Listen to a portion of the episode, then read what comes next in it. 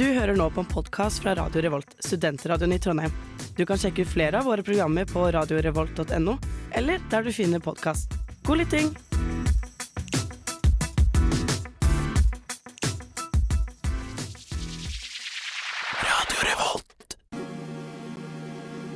Velkommen til en ny episode av Nerdeprat, spillmagasinet på Radio Revolt.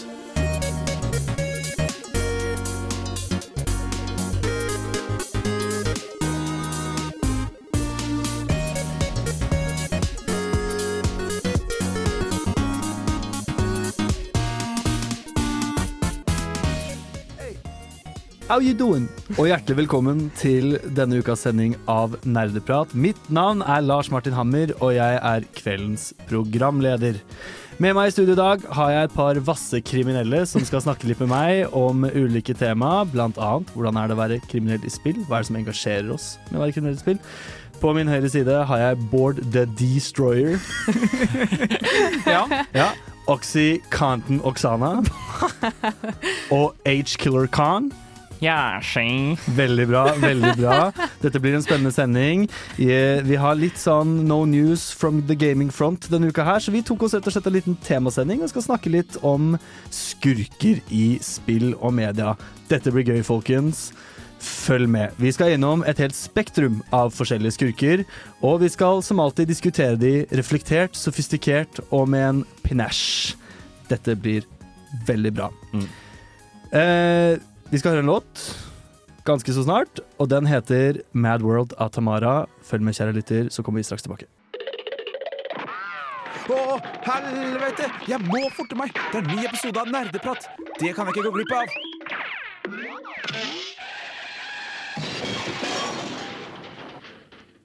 Det er helt riktig det, og hvis du hører stemmen min nå, så har du faktisk ikke gått glipp av nerdeprat. Vi skal ha vår sedvanlige innsjekk og prate litt om hva vi har spilt siden sist, eller hva vi har gjort siden sist. Og jeg har faktisk lyst til at Oksana skal få starte denne gangen. Ja, for jeg blir jo flau hver gang jeg nå for tida eh, hva jeg gjør hjemme eh, når jeg ikke er her. eh, fordi jeg gjør liksom ingenting. Eh, nei da. Eh, jeg skal bare nevne Jeg har allerede fått litt kjeft for at det har blitt for mye Skyrim i 2023 allerede. Jeg har spilt litt Skyrim, er i Thieves Guild-questen. Koser meg, syns det er gøy. Akkurat eh, besøkt eh, Winterhall College. Skal bli Archmate snart. jeg har fulgt akkurat samme storyline som jeg På lørdag så ble jeg Archmage. Eh, på søndag så ble jeg sjefen av Thieves Guild. Hvor mange ganger har du gjort dette nå, Oksana? Vet du, hva? Vet du hva, Jeg skal bare gå videre, tenker jeg. Fordi at jeg har gjort en annen ting nå. Ok, Oppfølgingsspørsmål. Har du funnet Meridius Beacon ennå? Nei, ikke ennå. Oppfølgingsspørsmål. Har du samla alle de 24 røde diamantene? Nei, ikke ennå. Ok. Ok, eh, Uansett. Jeg har også noe som Jeg har gjort noe som ikke handler om spill, men som jeg føler på en måte faller litt i nerdkategorien. Jeg har sett på The Walking Dead. Eh, og jeg så på det når det først kom ut, i 2012 faktisk. Og da så jeg på det frem til sesong fem. Og så husker jeg liksom ikke hvorfor jeg bare ikke så på det mer. Lurer på fordi det begynte å bli ganske dårlig. Eller jeg innså at det var dårlig. Og nå, Jeg begynte å se det på søndag, og jeg er på sesong tre i dag. Det har gått eh, tre dager. Jeg ser en sesong per dag. Ja. Eh, og vet du hva, det er Altså, det er dårlig, men det er bra. Jeg klarer ikke å slutte å se på det. Men jeg vet liksom ikke hva jeg skal synes om det. på en måte Det er søppel-TV, og derfor er det underholdende. ja, Ja. men det er på en måte sånn Jeg føler at jeg ser på improteater, hvis du skjønner. Ja, ja, ja. Jeg føler det som at jeg ser på en måte en sånn skoleoppgave på noen som studerer film. Ja. Klarer du ikke le hver gang Rick sier 'Coral'? Nei, jeg klarer jo ikke Nei, det. Og, jeg, og det, det kommer så mye memes, og jeg syns det er så bra. Eh, For jeg syns jo eh, Walking Dead ble 100 000 ganger gøyere når det gikk fra å være skummel zombieserie til at eksplosjoner var overalt. Det skjer Ja. jo etter hvert. Ja ja, men altså sånn Det er bare sånn en ting, jeg vet ikke om dere som har sett eller lagt meg til det, men de statistene som sant, De har statister som er zombier, men så har de også statister som spiller vanlige mennesker i sånne store settlements. Og jeg har liksom analysert dem litt ekstra i bakgrunnen, for jeg tror at de bruker samme statister som på en måte vanlige menneskestatister og zombiestatister. For noen ganger så ser du statistene bevege seg som zombier, men de er vanlige mennesker. At de glemmer litt hvem de er. Du ser liksom en liten jente som på en måte begynner å hulke litt, nei, hva heter det, halte litt, og så oh ja. stopper hun, oh, og så går hun vanlig, og så har de liksom bare ignorert det. Ja, ja, ja. Og tenkte at vi ikke kommer til å legge meg til det. Så jeg vet ikke. Altså, vet du, jeg, jeg, det er tolv sesonger. Det er som et dårlig Attack on Titan, Ja, basically. ja, men det er tolv Den hvite manns Attack on Titan. Ja, ja, faktisk. Men jeg skal fortsette å se på det, og når jeg har sett gjennom alle tolv sesongene, jeg er sikkert ferdig neste uke, så det går bra, Ja. så kommer jeg til å gi deg en liten recap av hva jeg faktisk syns, for jeg er litt nysgjerrig på hvordan det ender. ja. Ja. For det er elleve sesonger, hvis jeg ikke husker 11 eller 12, ja, noe sånt. Ja. Ikke Det har sant. holdt på i ti år! Det var det. sesongfinale i fjor. Send videre, du, Oksana. Ja, jeg tenker Bård, jeg. Ja, eh, det, i det siste så har jeg vel hovedsakelig spilt uh, Lost Ark, så klart, men utenom det uh, har jeg spilt uh, Skyward Sword HD, som Wow. jeg egentlig har spilt i flere uker, men jeg bare glemt Eller latt være å nevne det her noen ganger. Fordi det, har, det tar litt tid å liksom komme opp en mening om Skyward Sword, fordi det har veldig bra, noen bra tider og noen ganske dårlige tider. Ja. Da, da jeg beskrev Skyward Sword til Bård, så er det altså det er et spill som har the highest of highs og de laveste ja. av det lave. Virkelig. Det er faktisk en av de få eh, Legend Zelda-spillene som jeg ikke har spilt ferdig, faktisk. At Oi. jeg var liksom ikke motivert til å spille det ferdig. Ja. Jeg spilte på Switch, da. Jeg syntes det var jævlig irriterende å spille det på Switch, så jeg ga opp. Men jeg, jeg skal fullføre det. Men eh, det er liksom, jeg merker bare sånn Det er noe som bare mangler. Altså, det er veldig mange steder hvor de ikke helt forklarer Det virker ikke veldig naturlig hva du faktisk skal gjøre. Så du må Altså, jeg bare gidder ikke å bruke tid på å prøve å finne det ut, så jeg bare søker på OK, greit, det var litt dårlig forklart. Det var litt dårlig liksom vist hvordan du skal gjøre det. Men uh, utenom det, så historien virker veldig bra. Hele verden virker bra. Uh, du må gjenbesøke ting i etterkant som er skikkelig irriterende, og mange av templene er ufordragelige, men utenom det, kult. Uh, hvor, altså, du spiller på Switch. Ja. Hva syns du om å spille på Switch? For jeg hatet hvordan man måtte bevege det sverdet. Jeg Nei, synes det, det, det var går helt fint. Det går helt fint. Okay. Ja, det er Ja, Jeg det, syns det det bra. var ganske greit. det er motion control, er det ikke det? Ja. Men jeg, jeg, det, er veldig, det er veldig åpenbart at det var designa i en æra av Nintendo hvor alt skulle bestyres bevegelsesstyring. hallo, motion controls! Oh dere! det er sykt! Det kunne godt latt være. Hvis vi kunne bare sletta den perioden fra Nintendo sin historie, så hadde det vært helt greit. Nei, jeg også det var veldig Det var veldig deal Det funka jo åpenbart, da, siden eh, Men det fungerer ikke så bra og- i etterkant nå som Nei, de har gått bort fra de kontrollene. Ja. Ikke fuck med meg! Jeg har kraften til Gud og nerdepappa på min side. Men hæ?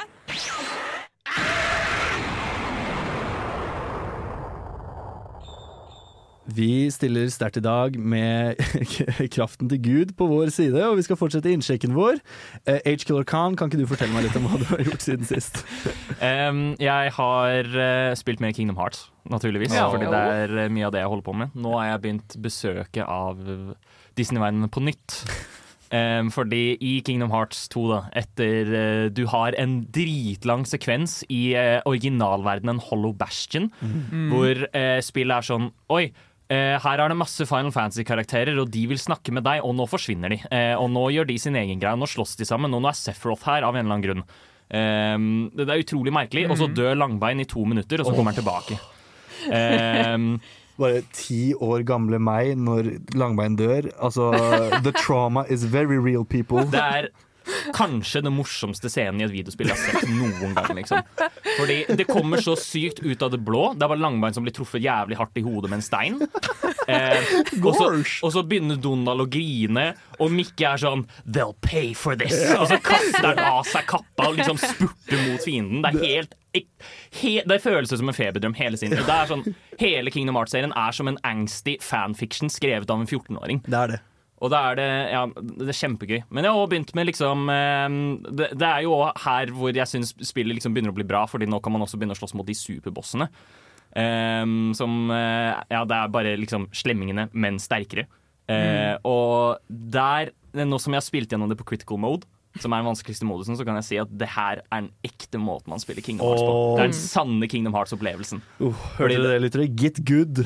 Hilsen Håkon. Men det, det, det virker nesten som om spillet var laget rundt critical mode, og det er så sykt bra. Liksom. Men sa ikke du en tidligere at det ikke nødvendigvis er vanskelig, men at du gjør mer skade, men du tar også mer skade? Så Jo. det, Du, du, du får ikke over 60 liv, eh, men du gjør jo også mer skade mot fienden. Og du får muligheten til å få masse evner og sånn tidligere, som vil si at du, er en glasskanon, Ja. eh, for å si det på den måten. Og det er kjempekult. Og ja, jeg føler liksom at jeg må bruke alt, da. Mm. Uh, Istedenfor å bare mashe X, som er liksom som Kingdom Hearts er kjent for å ha som ting men. Betyr det at kampene også varer kortere, eller varer det ca. like lenge fordi det er critical mode? Ikke noe, altså de, de varer jo på en måte lik lengde, fordi du må jo fortsatt spille forsiktig. Du Ja. kan ikke bare liksom mashe og sånt og forvente å vinne. Ja, da dør du. Skjønner. R1 først, så X. The Eh, Kingdom Hearts formula. Ja. Lock on. Lock on. Men, men det er sånn, jeg har aldri brukt magi så mye som i Critical Mode. Oi! Så, så det er jo veldig gøy, på en måte. Uh, og på en måte tenke veldig kjapt og strategisk for når jeg skal bruke limits og sånn type ting. Ja, for jeg kan ha starta Kingdom Hearts Run og si sånn Nå skal jeg være mage. Det er som Oksana som starter å være sånn Nå skal jeg være warrior, oh, ja. og så blir det sneak archer. Ikke sant? Du går alltid tilbake til X-mashing etter hvert. Ja. Hei! Hei, hei. Sorry. Men jeg har det altså veldig gøy med det. Supert. Eh, Få ta litt om meg. Jeg har spilt mer God of War, Ja og det er fantastisk. Jeg har vært i Ironwood og møtt en veldig søt, eh, hyggelig jente som har vist meg litt om hva det vil si å være loke, og det har vært supergøy. Og så har jeg fått kjeft av pappa. Fordi Kratos er ikke fornøyd med at Atreas drar rundt omkring, og det er ikke noe hyggelig. Jeg har også sett mye på Sopranos i det siste, som eh, somewhat inspirerte temaet i denne episoden. Og la meg bare fortelle at sånn, I dag skal vi snakke litt om er det sexy å være kriminell, eller er det kult? De gutta er ikke kule, ass. Det er små, små, små menn med små, små egoer, og det er mye av det i serien. Min favorittepisode, tror jeg, eh, er i sesong to når de drar til Roma. eh, Og Paulie eh, innser at det, alt han visste om italiensk kultur, var bare piss. Ja. det Eh, fordi han er liksom sånn, ja, han er erke-stereotypisk eh, italiensk mafia, italiensk-amerikansk mafia. Og så liksom tror han at han drar til faktisk Italia, og så er det sånn Å, det blir bra. Og så bare hater han det. Snakker ikke et puck italiensk, lærer seg at man skal si commodore eller capitano til karer man liker. Så prøver han å si det, og så får han bare sånn fuck you tilbake. og blir dritsur. Det er dritmorsomt. PSA, se Sopranos, folkens. Ja. Det er utrolig bra. Ellers så har jeg det bra. Jeg gleder meg veldig til påske, for da skal jeg stenge meg inn i leiligheten min og få kjørt den PlayStation 5-en i bakken, og det blir dritbra. Det er riktig å ta seg pause. Og det er jo et kjempebra tidspunkt å kjøpe seg eh, PlayStation. 5 Absolutt. Også. absolutt. Eh, gjerne foreslå Håkon er jo en felles connoisseur of the PlayStation 5. Jeg trenger et nytt prosjekt etter Last of Us 2. Hit me with the good shit. Det spørs jo altså hva slags type spill du liker, men jeg kan jo anbefale hvis du har PlayStation Plus, eh, så ville jeg anbefalt Returnal. Ja. Um, som er uh, ja, det er super action, fast-paced uh, tredjepersons skytespill. Um, Rogelike-elementer. Utrolig engasjerende historie også. Eventuelt, hvis du ikke er ensom, så ta It Takes Two. Det spiller jeg faktisk. Eh, mer om det en annen gang. Vi skal høre en ny låt. Vi skal høre I Don't Know av Bang Bang Water. Nerdenytt.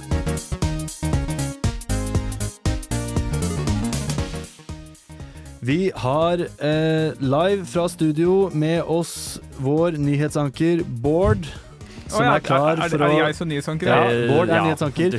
Vi er klar for å levere et rykende ferskt stekebrett med hotte, hotte, hotte gamingnytt. Bård, take it away, please. Uh, ja, uh, nå har det nylig kommet ut uh, en dom fra FTC i statene versus Epic Games. For de som ikke vet, Epic Games er jo et gigantselskap som lager bl.a. Fortnite. Og her har det kommet en dom hvor de må betale 245 millioner eh, dollar. Er det noen som klarer å gjette hvorfor? Ja, for ja, det var akkurat det jeg hadde tenkt å spørre om. Hvorfor? Hvorfor det? Eh, det litt sånn eh, mørke mønstre og sånne ting. Det, ut ifra det jeg kunne basere på teksten, så har de designa en butikk for eksempel, hvor du kan eh, For å kjøpe ting så trykker du to ganger, eh, men så får du ikke noen bekreftelse. Så hvis du trykker én gang, og så tror du at å ja, kanskje det trykket ikke gikk inn, og så trykker du en gang til, så kjøper du noe. De har designet det sånn med vilje. Det er det da FTC mener at det her er eh, et design som er laget for at de skal kunne tjene mer penger. Så eh, det, Og hvis kunden gikk til banken og sa det her mente jeg ikke å gjennomføre, la meg kansellere den betalingen, så ble de bannlyst fra tjenesten. Det er shady. Og FTC vant saksmålet. Eh, eh, altså FTC er jo et ø, tilsynsorgan, så de det er ikke, Jeg tror ikke det er en saksøkelse, det er bare en De liksom, bøtela, liksom. Ja, de bøtela Ja, sånn Epic ja. Games Ja, sånn, ja. 245 millioner dollar for dette. her Så det vil jo tyde på at de kanskje har tjent betydelige penger på dette her. Det, det, det er sikkert ikke tatt ut, helt ut av luften. Det forklarer hvorfor de har råd til å liksom ha gratisspill hver eneste uke. Fordi de svindler deg ellers. Ja. ja, ja. Kult. Det er jo også mm, hva skal jeg si, en annen form for markedsføring. Men, Ja. Men, men det er det jeg velger å tro. Ja, Ja. så klart er det det. Fantastisk. Noen andre nyheter, Bård? Eh, ja. Uh, Visstnok så har Square Enix kommet ut og sagt at uh, Forspoken ikke har solgt så bra. Så. Oi! Hvem skulle trodd? det? Det er jo faktisk en ting vi ikke har snakket om i det hele tatt på Nerdprat, Nerdeprat, em, som vi egentlig burde ha gjort, men det er jo det, det Altså, Isekai-spillet til eh, Med liksom den mest marvelete dialogen i Ja. verden. Eh, så vil man liksom freerunner og sånt rundt i denne verdenen, og det ser helt greit ut, men dialogen er liksom det som virkelig har irritert folk med dette spillet. Ja, jeg så en anmeldelse som sa at uh, Forspoken det har noen høye høyder og noen dype, dype daler. Uff, ja.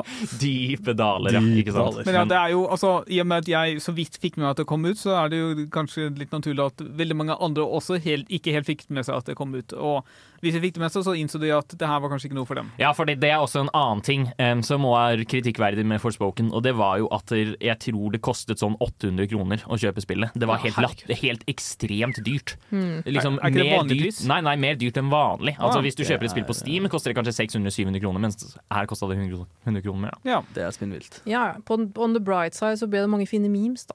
Jeg har sett de på Twitter. Det er sant. Det har vært underholdende. Ja, det, Masse det- noe, noe godt, I guess, å ta ut fra det. Og det er jo alltid morsomt å le av sånt. Ja, Noe mer, Bård, da? Ja, eh, av litt mer dårlige nyheter, holdt jeg på å si. Fordi Visstnok så er det, kommer det en Suicide Squad Kill the Justice League-spill. Uh, Ja. Men det har nå blitt utsatt, fordi da de viste det fram, så var ikke fansen så veldig uh, glade. Så da tenker de at ja, la oss utsette noen måneder og håpe at det er nok.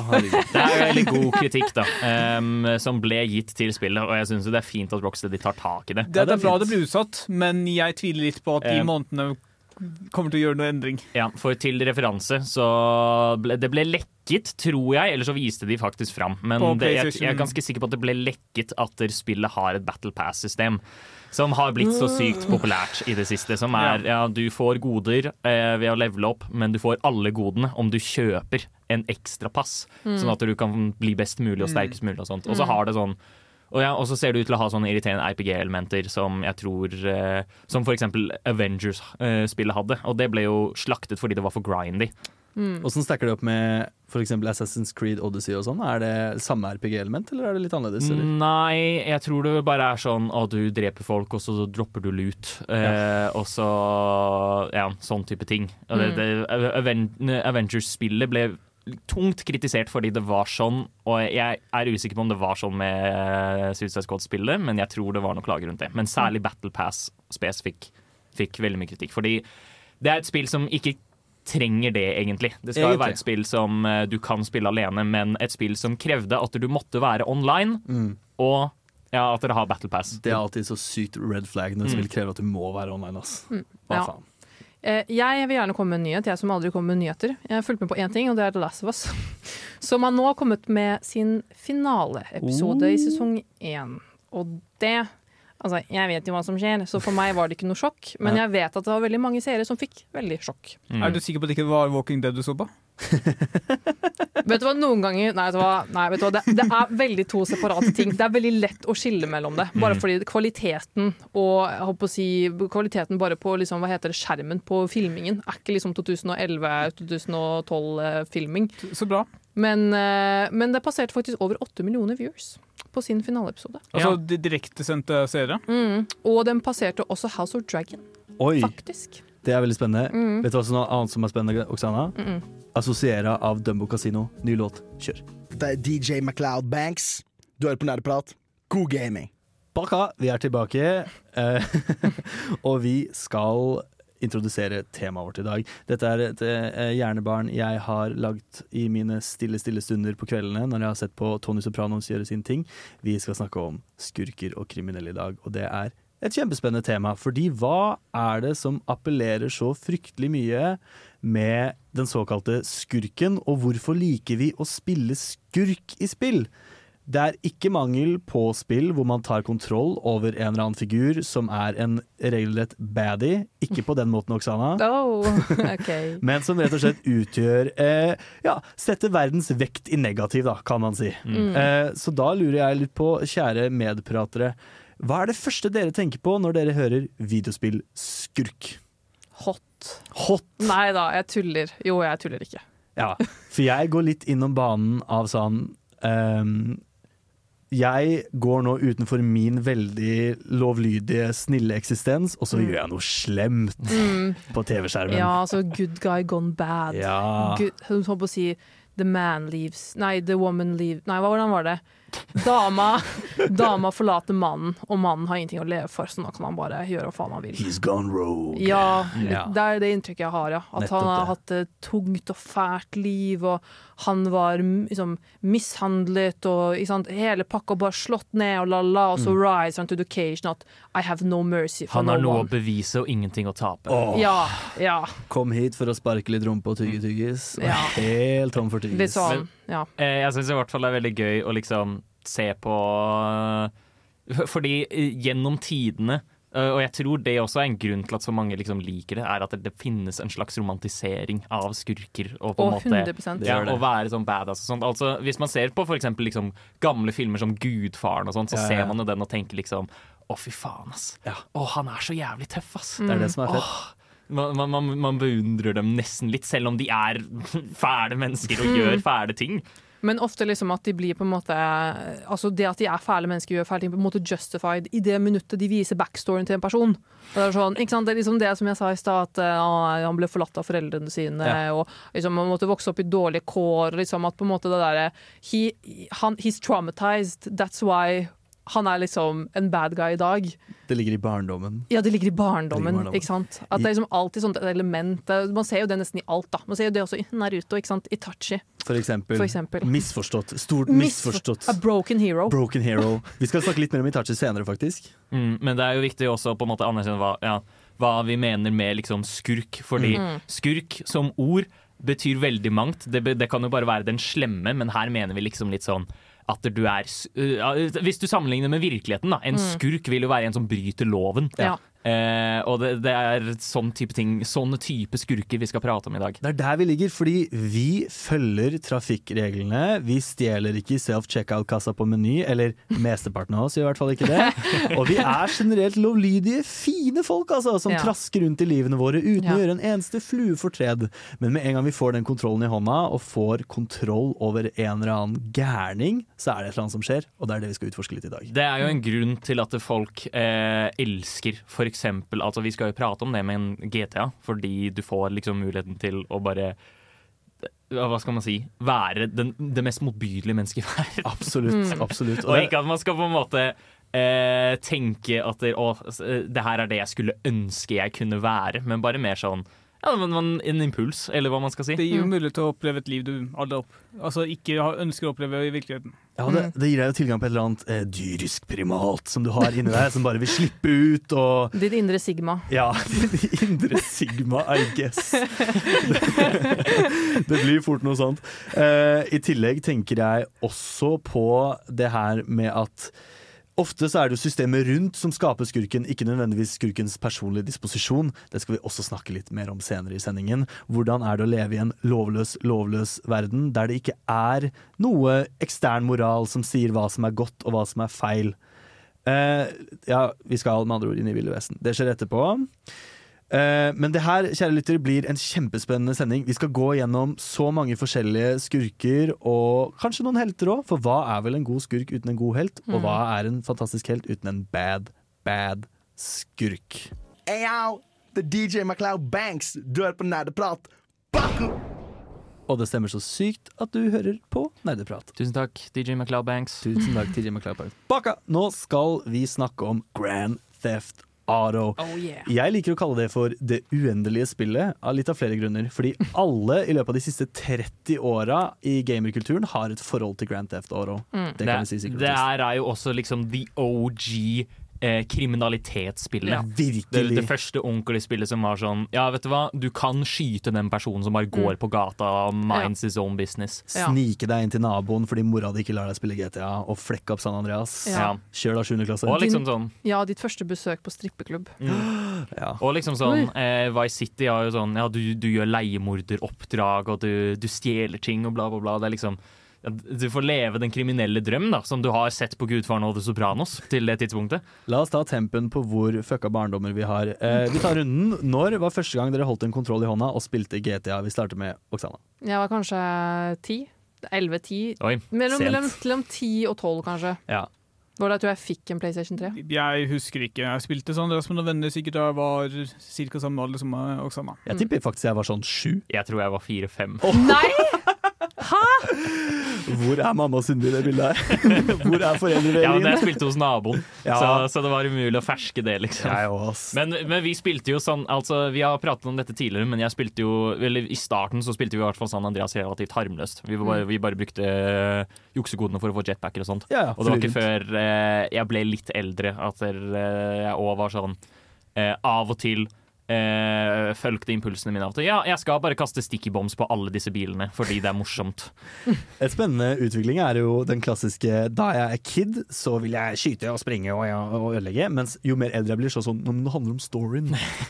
GTA har en veldig god story. Jeg skulle til å nevne altså, Jeg husker jo San Andreas-historien. Den er ikke veldig bra. Det er bare, Du starter som småkriminell, du kommer liksom til byen, du blir, eh, det er litt sånn gjengkultur, men altså, det er jo ikke-eksisterende i historien. Du er bare en småkriminell som begår innbrudd og kanskje kabler et fly, eh, sånne ting. Det er litt bredt spenn der, da, Bård, fra innbrudd til men kapre fly. Du, du starter i liksom en storby og er småkriminell, men så etter hvert så går du videre og gjør da litt større ting. Mm. For eh, historien til GTA er eh, ikke nødvendigvis alltid så godt gjennomført, eh, men karakterene er som regel veldig gode og liksom morsomme, vil jeg si. Men sånn jeg kjenner ikke en eneste person tror jeg, som har kjøpt Grand Theft Auto for historiens skyld. De kjøper det fordi de kan være fuckings De kan begå gatekriminalitet. Og det er ja, artig. Ja, absolutt. Og eh, et viktig poeng her med San Andreas som man setter pris på når man blir eldre, er jo voice cameos. Altså, det er jo så mange bra stemmer med det spillet. Sam Jackson er med som politi. Herregud, liksom. Men det som er litt spennende her, da, er at eh, dette spillet det skjer gang på gang på gang. Hvor mange ganger har de re- re-releasa GTA 5 eh, siden det kom ut? Vet du det, Bård? Eh, nei, men uh, det ble jo sluppet i sånn 2014 eller noe sånt, og lever fortsatt i Jeg vil ikke om jeg vil si best velgående. 2013, tror jeg faktisk. Ja, Såpass, ja. ja. Noe sånt. Det er type ti år gammelt nå. For det kom ut ganske så samtidig som PlayStation 4. Kjapp anekdote. Eh, Jeg var på utveksling da GTA 5 ble annonsert i USA, og da satt jeg på den gule skolebussen med de shitty ass eh, iPhone-headsetet mitt, og så på traileren til GTA 5 hvor de spilte Skeletons av Stevie Wonder, og det er den mest Altså, eteriske hypemaskinen noensinne. Jeg var så gira. Jeg var sånn, jeg må kjøpe meg PlayStation, jeg må få meg dette spillet med en eneste gang. Det så så bra ut. Mm. Men ja, der er det jo også et spennende poeng med det her at uh, hvordan er karakterene i GTA som man spiller? Eh, fordi i hvert fall eh, om vi tar GTA 5 som eksempel, der kan du jo spille tre forskjellige karakterer. Em, eh, blant annet Michael, som på en måte han er sånn familiefar, men er Tony, litt Tony. ja, litt Tony. Og så har du Trevor, som bare er en gæren redneck. Ja. Typ. Det er liksom litt variasjon i det. Du har også Franklin, um, som på en måte Ja, hva skal man si, han blir bare innblandet i dette Ja. litt uvilkårlig. Men kommer ikke han fra litt sånn dårlig nabolag Jo, sånt? det gjør han. da. Jo, og han prøver å break good. Han prøver egentlig å bli litt bra, hvis jeg ikke husker helt feil, men så blir han bare dratt inn i det kontinuerlig. Mm. Jeg har også lyst til å ta opp uh, GTA 5, uh, som, uh, fordi jeg føler den gjorde nytt for historien til GTA òg. Og det var at der, eh, ja, om du ser på liksom de gamle spillene og sånt, så er det på en måte Du har spennende oppdrag der òg, men det absolutt gøyeste delen er jo selvsagt å gå, gå på gata, være kriminell og sånt. Men uh, GTA 5 introduserer en kjempekul ting, og det er heists. Ja. At du kan liksom, da, føler, da har du også en grunn til å følge historien, fordi det er ganske store øyeblikk, og liksom badass øyeblikk, hvor du føler liksom sånn eh, det, det bruker flere oppdrag på å planlegge liksom, å nå skal vi rane denne juvelbutikken, og så på en måte ja, planlegger de escape route og alt det der, og det er så sykt tilfredsstillende å gjennomføre det også. Det er helt fantastisk. Ja. Skikkelig god eh, implementasjon av en ny mekanisme i det spillet der. Mm. GTA er bad, vi nerdeprater er også bad. Vi skal over i en litt annen del av organisert kriminalitet. eh, Og her har faktisk jeg, i min evig akademiske visdom, eh, bestemt meg for at jeg skal lage et nytt spektrum. Og det spektrumet heter Mafia til Saints Row-spektrumet. Mafiaserien er en blodseriøs, gammeldags gangster, sånn klassisk Håkon Jægesi-type mafia. Mens Saints Row er bare kaos. Ja, Vilt, for vilt kaos. Dette er jo to eh, Der GTA på en måte mer er sånn ja, tilfeldig gatekriminalitet. Og så er det sånn, hvis det er organisert, så er det i så fall bare tre dudes um, som bare finner opp noe.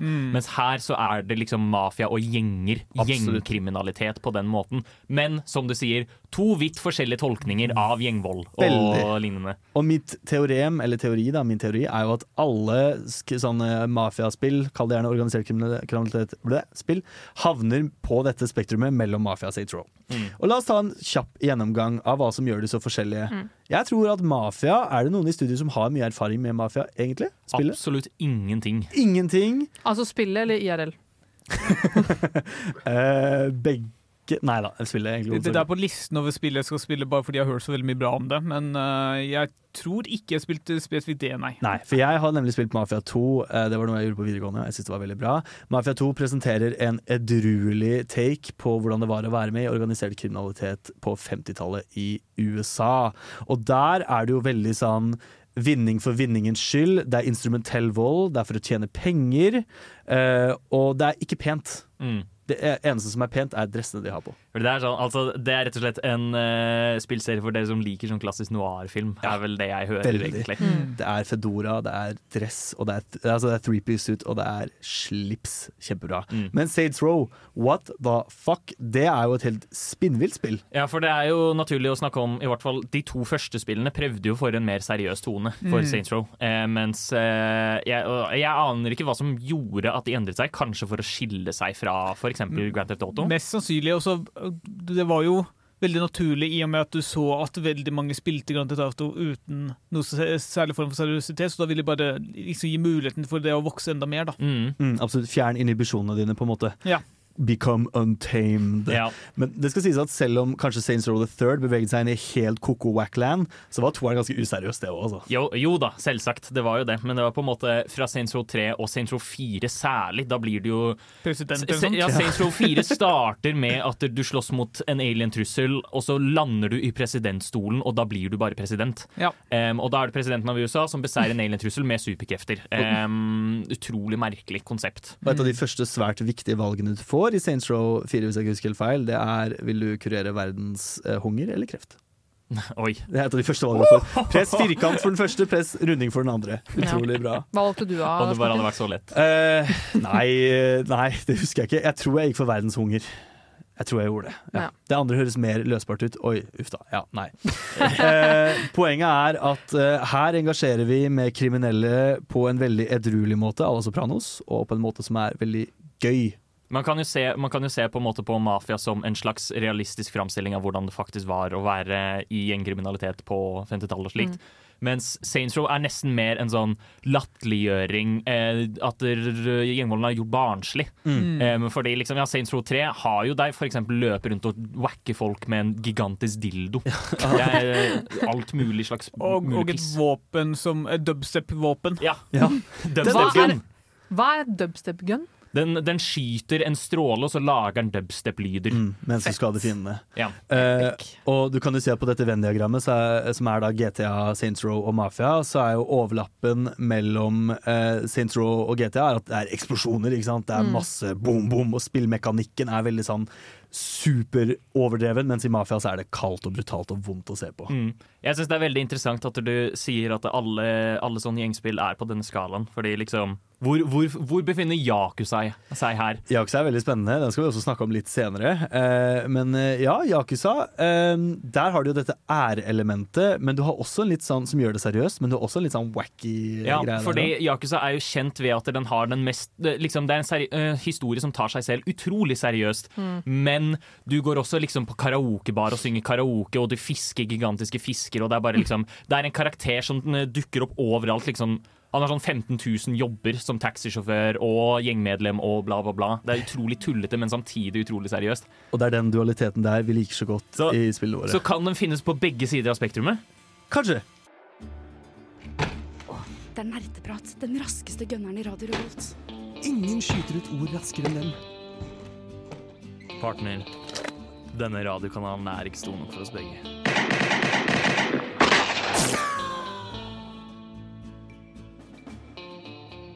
Og hjertelig velkommen tilbake til Nerdeprat. Jiha! Vi skal videre i vår utforskning av det kriminelle elementet. Hittil har vi snakket om karakterer med mye egen agens, som liker å gjøre dårlige ting fordi de er dårlige. Men nå skal vi snakke om en verden hvor det ikke nødvendigvis er individet som er dårlig, men omverdenen rundt dem. Vi skal saddle opp, sette oss på ryggen til hesten og ri inn i den ville, ville, ville, ville vesten.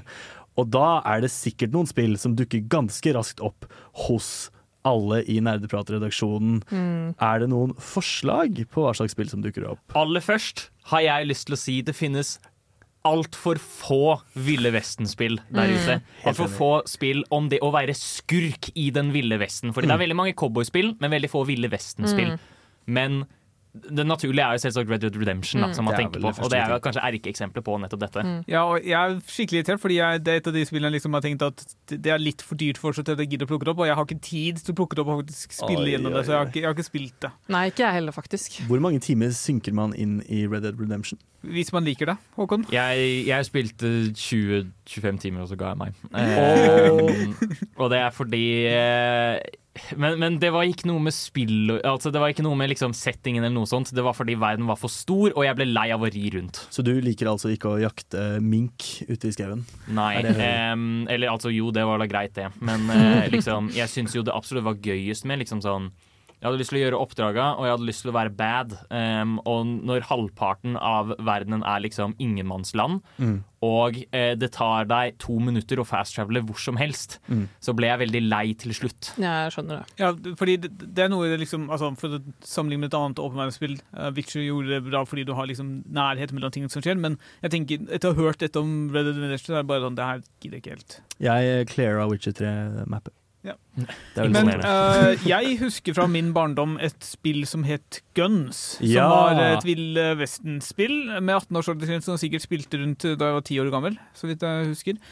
Uh, jeg husker ingenting om selve spillet, annet enn at uh, du, det var Ville Vesten. Du kunne gamble litt eller no, gjøre noe sånt. Pengespill. Og så skjøt du vel folk og jo, her rundt. Mye sikkert. ugagn. Ja, for her snakker vi jo Jeg sa jo i introduksjonen at her går vi litt bort fra personer som er dårlige fordi de er dårlige, men dette er også et, eh, et rom, et miljø hvor det går veldig an å være dårlig. Det er masse lovløshet. Det er jo type dueller ved morgengry. Mm. Det, er, eh, altså, det er en verden som dyrker skurker. Ja. Eh, for, rett, og, rett og slett fordi det ikke er noen lover. Og da er det sånn Det er jo så mye lettere da å tjene det du vil ved å bare være en pikk og være skurk og drepe folk. Og rane folk. Altså, det, det er jo lover, men det er, liksom, det er håndhevet av en sheriff som er i byen. Så hvis du dreper sheriffen, så er det ingen andre som kan håndheve den loven før en ny sheriff blir Mm. utpekt, og da er du langt borte.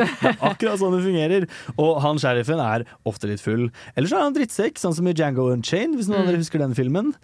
Poenget her er at eh, denne lovløsheten skaper jo rommet for å være bad, bad, bad skurk, men det skaper jo også rommet for helten som Ja. rir inn i solnedgangen. Der er jo for øvrig Red Dead Redemption både én og to ganske gode. Fordi altså, de spillene tar jo sted på slutten av den ville ville vestens tid. Så det er liksom sånn cowboyenes tid og outlastens tid er over. Og spillet har da et, typ, et karmasystem. um, hvor eh, avhengig av om du gjør gode eller dårlige handlinger Hvis du, hvis du bare skyter en random fyr og ta pengene deres, så får du dårlig karma, naturligvis. Men du kan også være snill, da, i en lovløs verden. Eh, som uh, gir litt sånn inntrykk i liksom ja, hvordan, vil du, hvordan ville du levd det? Du kan leve ut din snille fantasi, eller du kan leve ut eh, hvordan det ville vært å være skurk i Ville Vesten, på en måte. For jeg liker veldig godt at eh, i GTA for eksempel, da, så, så du blir jo skurk, du blir jo det til slutt, ikke sant? Det må det jo være. Men i noen av disse liksom Frontier-spillene, jeg vil også si at kanskje Horizon Zero Dawn er et slags Ville Ville Vesten-spill på en måte. Eh, men eh, det poenget mitt er at ehm, du får muligheten til å være slem, du får muligheten til å være god, og der har du i det rommet enda mye mer agens til å engasjere med skurken inni deg, og det er jo den vi er litt interessert i i dag, på en måte. Mm. En ting jeg også liker veldig godt, i, i hvert fall med, om vi tar Red Dead Redemption igjen som eksempel, er at der, der, har, du, de jo på en måte sånn soner av eh, områder hvor det er sånn eh, du kan bli ettersøkt i dette, denne sonen her, men du trenger ikke å være ettersøkt i en annen sone i det hele tatt. Som vil si at der, jeg, jeg spilte med min gamle romkamerat Magnus her om dagen, Red Dead Redemption 2, hvor han hadde fått en bounty på 900 dollar i én stat. Og sånn 1000 dollar i en annen. Så han ble jo jakta uansett hvor han gikk, men han kunne uh, Ja, man kunne på en måte komme seg unna. Var det ikke et tredje sted han kunne dra til?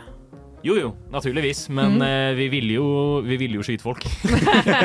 Dere ville altså være Det er derfor vi er i Ville Vesten. Skyte folk. Helt, helt riktig. Ja. Gi ha, partner. Få i gang eh, sixshooteren din. La oss høre en ny låt. Vi skal høre Martin, gutten min, du må komme deg middag! Å, mamma! Jeg kan ikke sette på pause nå! Jeg er midt i en heftig episode av Nerdeprat!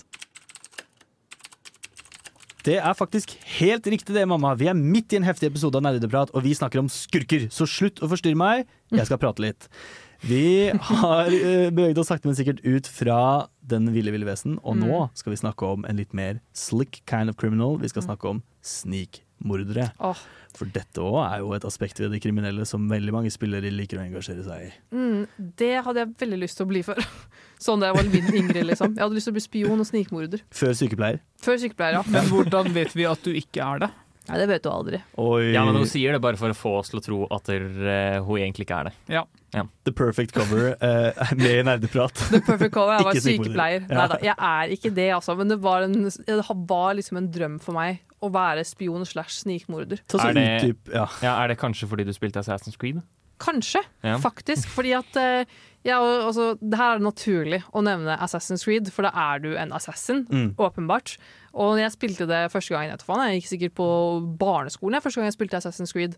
Og jeg så ikke noe problem med å drepe folk. Ass. Var, jeg skjønte ikke hvorfor det var dårlig.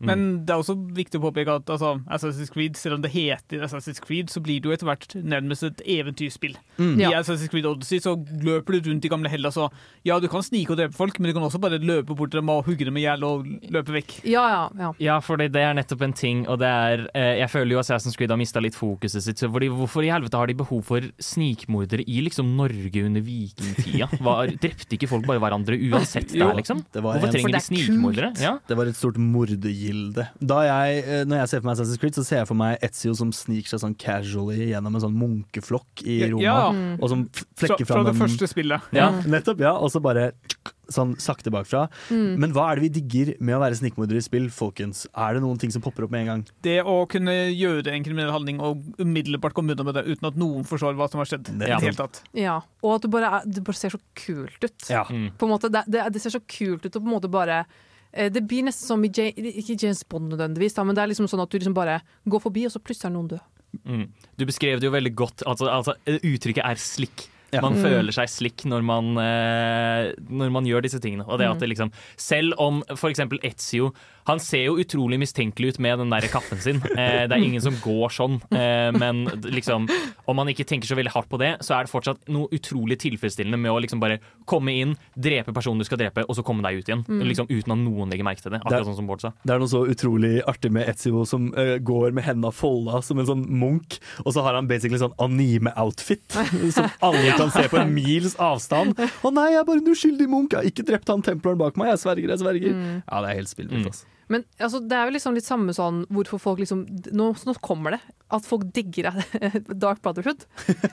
Jeg kommer til å nevne det her uh, gang på gang. Folk Slay queen. Ja, ikke sant? Men sånn at du liksom Du er jo helt forferdelig. Du, du eh, myrder noen under et bryllup eller noe sånt. Ja ikke sant? At du gjør noe helt jævla fælt. Men det er sånn den kuleste questen i Skyrim er at når du blir med i Dark Brotherhood, og blir liksom en av de kule Dark Brotherhood-medlemmene.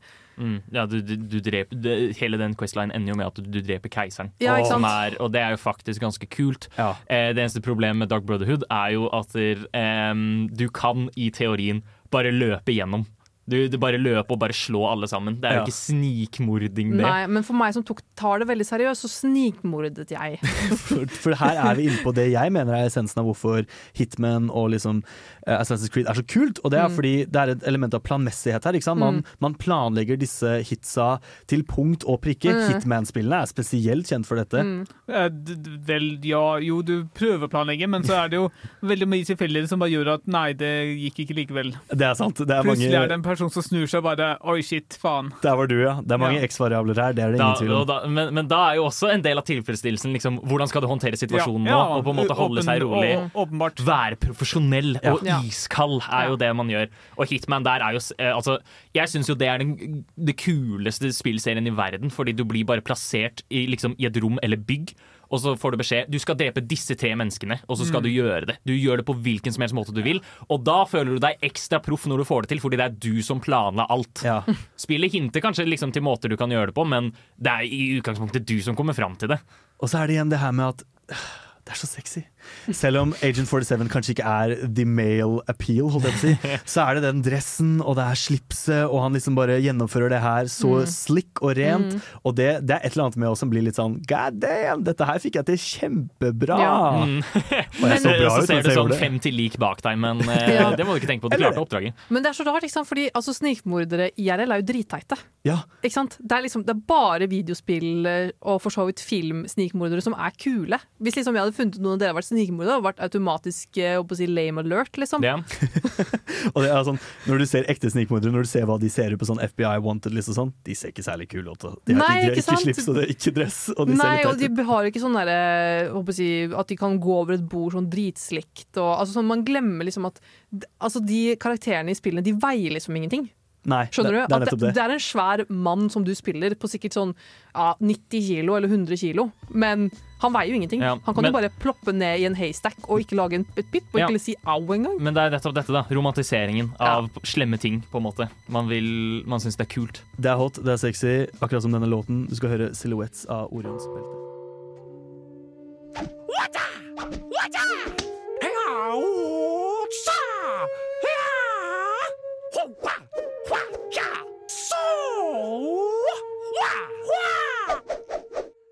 Nerdeprat. Nerdeprat indeed. Og nå skal vi inn i et annet aspekt av å være kriminell. Vi skal endelig snakke om de som kanskje ikke gjør like mye voldshandlinger, men som kanskje heller tar litt ting her og der. Vi skal snakke om tyver, og da må jeg med min programledermakt med en gang nevne et av mine favorittspill noensinne, Sly-trilogien. Åh, Sly 3. Hvor har det blitt av deg i livet mitt? Du har jo alt. Du har tyveri. Du har flykamper, du har båtkamper, og du har et hvelv hvor man ser hele tyverihistorien til eh, Cooper-klanen. Jeg mener selv at Sly 2 er bedre. Eh, For jeg som ikke aldri har spilt live, hvor kan jeg få spilt dette her? Dette er PlayStation exclusive, er jeg ganske sikker på. Jeg tror faktisk ikke du får det på PC. Men for hvilken generasjon? Eh, det starta vel i PS2, og så kom det en firer.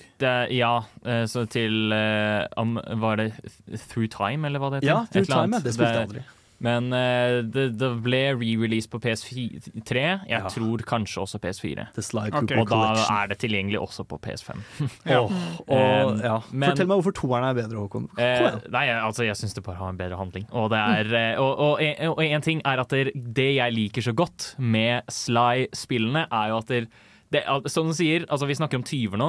I disse spillene så er det en bande på tre karer. Det er Sly, Bentley og Murray, Mm. um, som da respektivt er um, en eh, vaskebjørn, en skilpadde og en flodhest. Det er kanskje litt viktig info i denne konteksten. Ja. Eh, brains, brawns og liksom slik uh, snikete, på en måte. Finesse. Ja.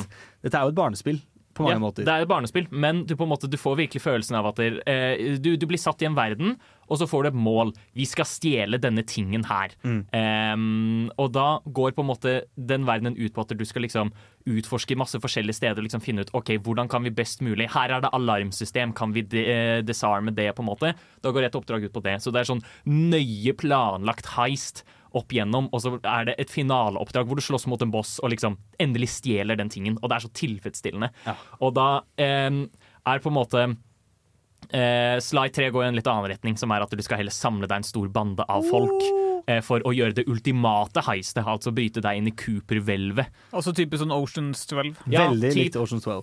Eh, ja, men, ja, men faktisk. Um, og jeg, jeg vet ikke, jeg bare syns det tar litt av moroa ut av Altså, det, det blir litt for lite fokus på det å være tyv og stjele ting igjen. Jeg har veldig lyst til å argumentere for at Dishonored egentlig bare Ja. er tyvespill. Mm. Fordi det er, ikke, det er ikke så mye snikmording, og det er altså veldig lineært, den snikmordingdelen. Men det Mm. å gå rundt i hus og utforske og åpne safer og Mm. finne koder og alt mulig sånt, det er utrolig tilfredsstillende. Mm. Det er de samme mekanismene. Det er akkurat det samme. Og du kan jo cleare Dishonored uten egentlig å drepe en eneste sjel. Ja. Det er vel en achievement for det, hvis jeg ikke Det er altså Uavhengig av hvordan du spiller det spillet, så kan du enten være den verste snikmorderen i historien, eller bare en tyv. Ja. Tyv som tar hevn. Mm. Ja, Ja, basically. en skygge. Um, og uh, artig at du også sier Dishonored, fordi det, det spillet er jo også da tungt uh, inn, inn, uh, påvirket av et annet spill som heter Thief. Ja. Som da også på en måte det, Thief kan spores tilbake som liksom det aller første stealth-spillet. Mm. Um, og ja, handler om at det, altså, strengt at du spiller en tyv, og du skal gå rundt, liksom snike deg forbi vakter og sånt, og stjele ting. Og selv om, eh, og selv om ikke Fordi jeg tenker at fra Thief og fra de type spillene så brancher det veldig ut da i spillverden. Og sånn som Solid Snake, for eksempel, noen av de første Solid Snake-spillene, eller Metal, Metal Gear Solid-spillene, du er jo ikke nødvendigvis en tyv, men det er jo de samme mekanismene som går igjen. ikke sant? Det er stealth-mekanismen, og den har vi jo blitt ganske forelska i. Mm. Nå tenker jeg egentlig at Oksana skal få lov til å snakke litt om The Thieves Guild. Nei, vet du hva, jeg har tenkt på det. Jeg vil, jeg vil ikke mer, for jeg vet at jeg kommer bare til å få stygge blikk. Så det vil jeg ikke. Det er kult å være Der med. også, Du trenger faktisk ikke å snike deg rundt i det hele tatt. Du kan Nei, bare løpe gjennom og ta de tinga du trenger. Ja, men man gjør jo Altså, jeg har aldri på en måte løp meg gjennom en Thieves Guild og en Dark Brotherhood eh, Quest. Jeg har alltid sånn jeg, jeg gjør det, jeg perfeksjonerer den questen. Jeg vet akkurat hvor jeg skal gå. Men objektivt sett, en av de morsomste måtene å spille Skyrim på, er ikke sneak archer, men det er å snike poisons inn i lomma på Ja. fiender.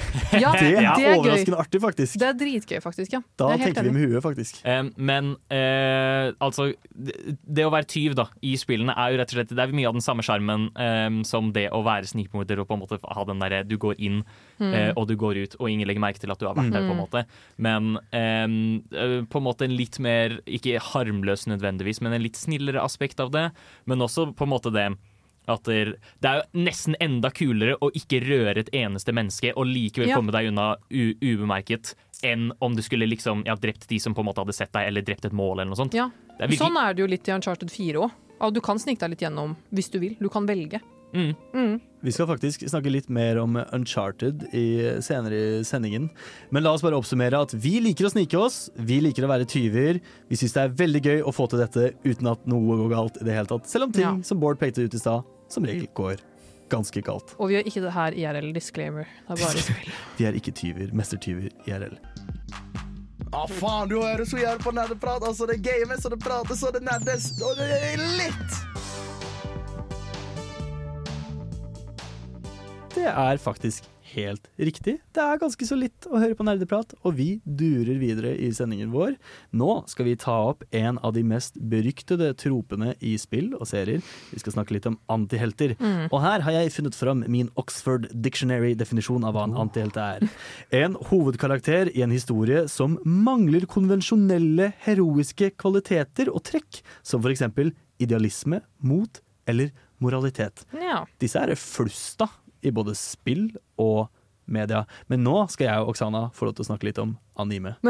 Oksana, yes. take it away. Nei, altså den største, eller den beste antihelten jeg vet om, det er jo Itachi fra Naruto.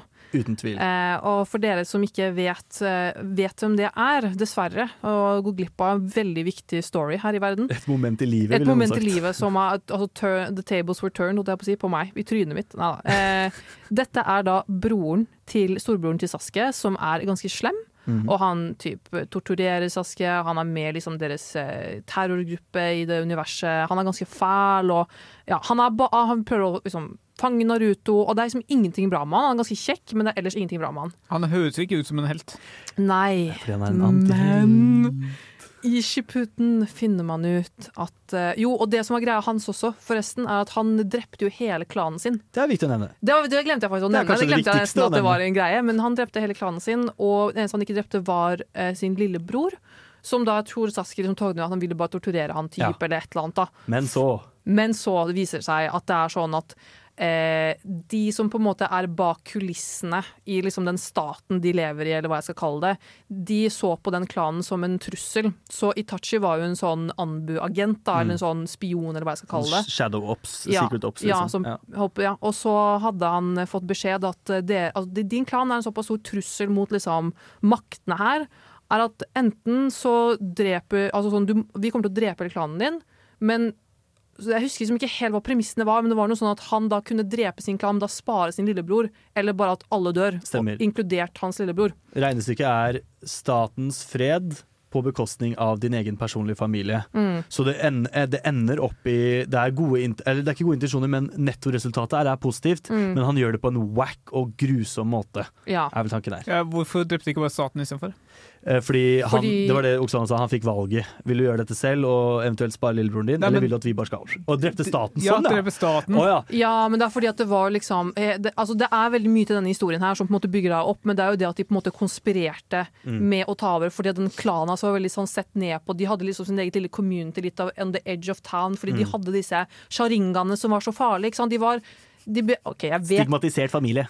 jeg vet at dere dømmer meg for det her, men poenget er at i Shippuden så finner man ut at han egentlig var the good guy. Han gjorde bare dette her for å redde Sasuke, som han var mest glad i hele verden, og at han var med i den terrorgruppa undercover. Og da, han, gjorde all, han, han var den som beskyttet det man kaller for en sånn shadow Hokage. Mm. Beskyttet The Leaf fra liksom Landsbyen, altså. The Ja, Leaf. The Leaf liksom bak kulissene, men fikk liksom aldri æren, da.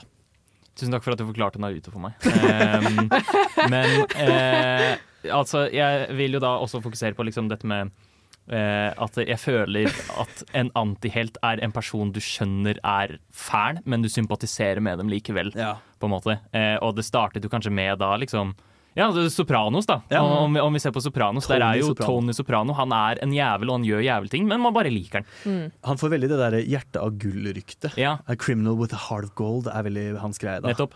Og, Og ja. Det er jo samme med også Gudfaren, uh, Mm. også fra spill, men hovedsaken fra filmer, hvor du har en, en uh, mafiaboss, men som er liksom eh, sett bra på av alle rundt ham, fordi han er en god person, han bare har dårlige metoder. Da. Mm. Selv også karakterer som liksom eh, Fordi det er også kanskje verdt å nevne at antihelter, siden de f.eks. mangler moral eller lignende, så er det gjerne at man ser dem i litt sånn skurkeroller. Joel også, fra The Last of Us. Absolutt. Eh, er jo, altså, eh, jobben hans er jo å være smugler. Han smugler ulovlige ting over grensa, og han nøler ikke med å drepe folk om han må, liksom. Selv om, men man sympatiserer fortsatt med Joel, og man liker fortsatt med Joel. Man ser på en måte hans menneskelige trekk, og liksom at han er en likbar fyr, men han gjør helt grusomme og jævlige ting. Altså, I en halvveis eller i eh, liksom nesten diktaturaktig lovverden, da, men han er fortsatt en jævel. Og Da handler det også veldig mye om systemene. Hva er det man går mot her? ikke sant? Fedra i Last of Us, godt eksempel på at ja, her bryter Joel reglene i denne konteksten, men han er ultimately en fin fyr. På en måte, da. Hvis Ja, du ser bort fra Men det også, mytika og- hvis du, hvis du spiller spillene Jeg har forstått det slik som at serie-Joel er eh, i, mm, litt mer Litt snillere enn Ja. eh, videospill-Joel, fordi eh, liksom Videospill-Joel eh, åpner jo med at vi ser han henretter flere folk, liksom. Eh, Bare fordi de skapte litt trøbbel for han. Og han er Ja. liksom, ja. Wildcard eh, rett før vi går til låt. Eh, protagonisten i Just Cause-spillserien, hvis det sier noe, noe som helst. Han er en kis jeg ikke hadde møtt i en bakgård. Sorry, ass. Hey, tusen takk, Mike Litoris, for eh, tre måneder sub til Nerdeprat. Det var big poggers av deg. Eh, sykt kappa Omegalull Sag om du ikke hører på er subba til Nerdeprat. Altså, herregud, dance game, liksom. Hey, takk for sub i hele to år, da, eh, mister Ben Dover. Ja, takk til Mr. Ben Dover som uh, hører på Nerdeprat. Uh, nå nærmer vi oss på en måte the climax av vår diskusjon om skurker og kriminelle i spill og film og anime. Nå har jeg et ganske kurant spørsmål her. Når er de kriminelle heltene? Det er jo åpenbart hvis liksom hele tingen er satt til et kriminelt miljø, så vil du alltid ha en kriminell organisasjon versus noen, eller en person versus et miljø, eller altså sånne ting. Du har jo for eksempel um, Saints Row, uh, du har uh, Heatman, som vi har snakket om, hvor er liksom Du er snikmorder, så du er åpenbart ikke en helt, men du, de, de du dreper, skal visstnok være verre, Ja, sier spillet deg. Så du dreper bad guys. Ja. Mm. Jeg vil også personlig nevne Persona 5, kanskje. Jeg har ikke spilt de tidligere spillene, men der er det jo en såkalt Phantom Thief, og du skal stjele hjertene til folk. Veldig metafysisk konsept. Det er et konsept. utrolig eh, rart konsept, og et vanskelig konsept å forklare. Veldig, så vi skal spare oss litt tid på å forklare det. Men eh, uansett, så der er du mot verden, og verden er mot deg. Men du vet innerst inne i hjertet ditt at du gjør det som er riktig. Ja, fordi kort fortalt, du gjør det vel mot folk som er ganske ille mennesker. Du Mm. gjør det, så da blir jo det filosofiske Altså- spørsmålet er det greit. Ja. Phantom Thiefen skal på en måte, ja, som du sier, stjele hjertet deres, og Mm. det skal på en måte få dem til å gå frem og liksom på en måte innrømme alt de har gjort. Ja, Så det, er sånn, det er en måte å Ja, altså, de kan ferske, fakke skurkene med 100% god samvittighet fordi de bare innrømte alt. Og det er liksom ikke noe liksom, korrupsjon involvert eller noe sånt. De har bare inn, Mm. flatt Mm. ut innrømt alt. Og ikke noe skade. De slåss jo mot underbevisstheten til disse eh, skurkene. Det er egentlig et veldig Mm. kult konsept. Ja, fordi akkurat det er jo, altså Persona er jo da interessant på den måten, fordi man er jo strengt tatt ikke skurker i det hele tatt. Eh, men de på en måte, de framstiller deg litt som det ved liksom at du har på en måte denne tyve det aspektet til det. Hvorfor det, kanskje? Men du er jo også bare et vanlig skolebarn. Hvordan i all verden kan du være skurk?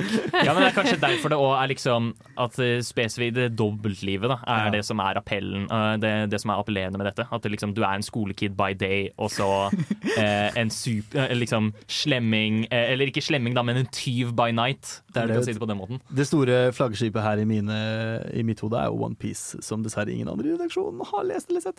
Men der er det jo pirater. Det er jo pirater som Mm. skal kjempe mot et korrupt og grusomt verdenssystem. Men det morsomme med de er at de vil ikke nødvendigvis bekjempe systemet, de vil bare være de frieste menneskene på alle de syv hav. Ja, Det er jo en piratæra, så alle er jo pirater omtrent. Og da er jo ikke man lenger noen skurker ved å være pirat, man er jo bare en del av samfunnet. De er fortsatt litt skurker, fordi du deler jo inn i pirater, og så har du mariner, og så har du citizens, og pirater er Så langt kommer jeg ikke. Nei. Jeg og Bård skal se med OnePiece, det er det ingen tvil om. Poenget mitt er at hvis eh, konteksten er rundt, nesten litt sånn throwback til det vi snakka om i Ville Vesten, men hvis autoritetene som går mot deg er inherently slemme, Mm. så er det på en måte godt å være kriminell. Ja, og det er også nesten hva skal man si, a redeeming eh, karaktertrekk når du ser liksom en person være skurk, eller en person som ja, hva skal man si, defineres som skurk. Og de gjør snille ting.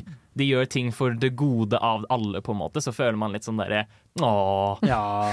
Når man ser dem liksom ha en snill side også. Som Tony Sopranos som gir brød til endene i bassenget sitt i bakgården. Ja, Og blir deprimert når de forsvinner. For en, ja, for en story arc det er. Oh, Han er bare en enk, altså, han er kanskje mafiaboss, men han er bare en enkel mann. han er en godhjerta, empatisk Og da, og da sympatiserer man med han, Ja. liksom. Mm. Det er noe med det. Hvor er det sympatiene våre ligger? Er det noe edelt og nobelt med å bryte reglene til et større formål? Og hva skiller da f.eks. en kriminell helt fra en antihelt? Det er jo et kjempegodt spørsmål, da. Mm. Mm. Det er dette moralske kompasset jeg tror vi må innom. Mm. Du har jo for eksempel eh, um, scenarioer hvor eh, myndighetene gjør overtramp.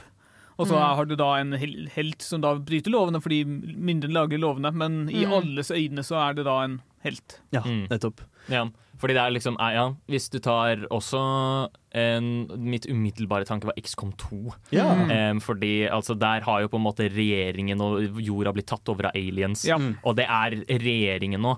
Og da styrer du rebellgruppen som skal ødelegge regimet. Er du da skurk, eller er du eh, straight up liksom svart-hvit en helt? Mm. Ja, fordi per definisjon så er du skurk, men for hele menneskeheten så er du en helt. Ja, Nettopp. Et annet mer abstrakt eh, eksempel er faktisk God of War.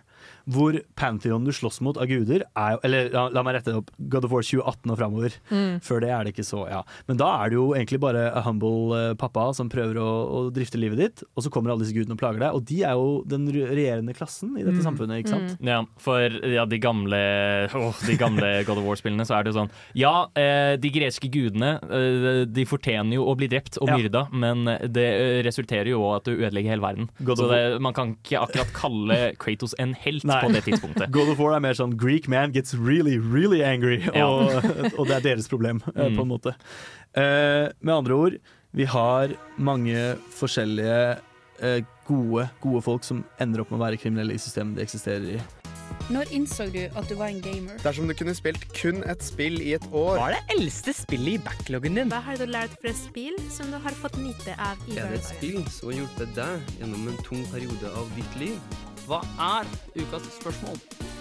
Ja, kjære lytter, hva er ukas spørsmål? Det tipper jeg mange av dere lurer litt på nå. Mm. Eh, og det kan jeg avsløre med en eneste gang, er at eh, det, vi har, det som har vært en rød tråd gjennom denne diskusjonen av kriminelle spill, det er å være slick, eller gjøre ting på en såkalt stilren måte, som vi kaller det på morsmålet.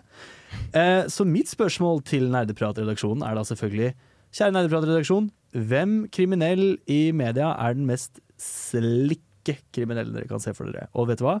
Bård hadde et veldig lurt smil Nei, jeg dette spørsmålet, så han skal få lov til å starte. Det er jo åpenbart uh, Hitman, eh, eller Agent 47, mer Mm. spesifikt fra Hitman 3. Mm. Fordi der har han et hav av kostymer som man bruker så bra. Har du sett Hitman uh, Agent 47 som klovn? Eh, nei, Nei, det har jeg ikke. det er fantastisk. Men jeg blir grepet av engasjement i stemmen din, Bård.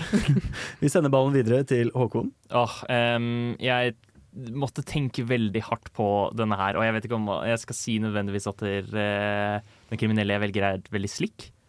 Um, men han har på en måte en måte å alltid komme seg unna og liksom eh, være en helt forjævlig person i liksom historien til de viktige karakterene, og det er Kano fra Mortal Kombat. Oi. Min main. Oi. Ehm, som, eh, og altså, en ting er at han har, liksom, han har cybernetics, og sånn, så han kan skyte laser og bla, bla, bla. Han har midler da, til å utføre sine kriminelle handlinger, men han er også bare generelt veldig rutta på det han gjør, og det krever liksom elitesoldater for å stoppe han. Eh, han, han er bare en A4 helt for jævlig skurk, og jeg elsker han. Vi hyller han for det, vi takker han for det, vi rommer han som han er. Min, eller mitt valg, er litt jeg er ikke juks, men det er fortsatt litt nerdete, men James Moriarty fra Sherlock-serien. Ikke BBC-versjonen for øvrig, men faktisk den versjonen med Robert Downey jr., eh, med han med skjegg og pipa, han syns jeg er slickety Rick, altså. Han har alle disse designene rundt omkring i Europa som han prøver å få til.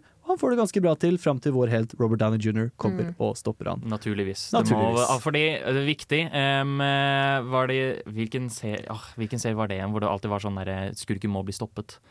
En anerkjennelse. Ja, men det er ikke så viktig. Ja, nei, nei, men, men poenget står da. Ja. Altså Skurken skal stoppes til Ja. syvende og sist. Mm. Og, men da er det ekstra gøy med de skurkene som, hvor du får den derre 'I'll get you next time'. Ja. greia. Eh, jeg kom på faktisk eh, noen skurker vi har helt glemt å nevne. Jeg vet ikke om dere ser på de som skurk, men hallo, er ikke Darth Vader en skurk? Han er en så kul skurk. Eller Anakin Skywalker, da. Jeg vet, altså, han er jo liksom ja, altså, Han bryter jo ikke sine egne lo... Darth Vader er den, er den slikkeste skurken. Fordi det er viktig Altså, Darth Vader er strengt tatt ikke en skurk Nei. i det universet han er med i. Og der eh, Fordi han, han, han, er, han er bare en enforcer i det galaktiske riket. Sauron. Det er en kul skurk, for han bryter i hvert fall reglene. Han er en såkalt rule breaker, ja, det er det ingen tvil om. han, nei da, men, eh, men jeg, håper å si, jeg syns det er litt vanskelig. Men så derfor vil jeg egentlig fortelle at jeg er en ganske god skurk. Oi. Faktisk. Apropos, jeg vil fortelle dere en veldig veldig kort historie om ting jeg gjorde på barneskolen som kanskje kan anses som litt slemt. Okay. Men i tredje klasse så uh, hadde jeg liksom overbevist uh, en, to venninner av meg da, at jeg var uh, spion slash agent slash snikmorder. Tredje klasse barneskolen. Ja, på barneskolen, ja. Ja. Eh, og jeg hadde liksom da typ liksom en sånn jeg kunne ta meg selv i øret, for jeg skulle liksom snakke Det var liksom Totally Spice-inspirasjon, tror jeg. Men at jeg kunne liksom ta meg selv i øret, liksom snakke med liksom lederen min, og at liksom de var sånn Og de tro, altså det her ble liksom en ongoing greie da, som de trodde på. Eh, og, jeg, og de var sånn, hvordan kan vi være med? Og jeg fikk dem til å gå gjennom masse tester, da, for jeg måtte teste de om de var på en måte slikke nok til å være med i denne organisasjonen min. da, Denne imaginære organisasjonen. Og jeg holdt på sånn i en måned. En Altså- måte med systematisk terror med Altså disse sånn hvor de. De måtte liksom, liksom øh, klatre i de der tingene man kan klatre i på lekeplassen. De måtte gjemme seg så så lenge. De måtte liksom Gjøre leksene dine. Nei, ikke sånn type ting, Fordi det måtte jeg gjøre selv, for da hadde mamma funnet ut av det. Men det, litt sånn Det var litt sånn de, de kunne liksom være sånn Hva, hva sier han, han der eh, sjefen din nå? Og så kunne jeg liksom ta meg selv i øret og være sånn Og snakke på russisk, da. For jeg kunne jo det, ikke sant? For det var jo, jeg var jo russisk spion, helt Ja, ja, ja. åpenbart. Og liksom bare sånn OK, ok, men nå, eh, nå må du liksom klare å snike dere inn på guttedoen. Typ. Jeg syns fortsatt ikke det teller, for vi snakker om slikkeskurker. Jeg Ja, men jeg var jævlig slik da jeg holdt på det her i måned. Du var i tredje klasse. Ja, i forsvaret til Oksana, det var i tredje klasse. Det er litt Ja, slik, altså jeg var i tredje klasse, og de trodde på meg oppriktig. Og Fordi de er barn. De, de var tredjeklassinger. aner du Altså vi, altså sånn Jeg innrømte etter en måned at alt det her var fake. At jeg var ikke noen russisk spion likevel. Ja. Og fy faen så sure de ble. Ja, Hun ja. ene begynte jo å gråte. The perfect crime. Fordi hun hadde gledet seg så sykt til å være med, og hun eh, Ja, hun, de snakket ikke med meg på en uke, da, men så ble vi venner etterpå, for de glemte det. Takk for at du delte, Oksana. Vi skal høre en ny låt. Hva har fire bein om dagen og seks bein om natta? Jeg vet ikke, men uh, hør på Radio Revolt. Radio Revolt. Hør på Radio Revolt, det har du gjort nå ganske lenge, og vi nærmer oss slutten på en fantastisk ondskapsfull og evil eh, reise. Vi har snakka masse om skurker, vi har kost oss veldig, veldig, veldig mye. Eh, for å oppsummere litt, har vi noen tanker om hva folket kan sjekke ut, om de har lyst til å dabble i sine ondskapsfulle tendenser? Jeg for min del vil anbefale Shadow of War, som er litt skurkete, faktisk. Hitman 3 er verdens beste spill.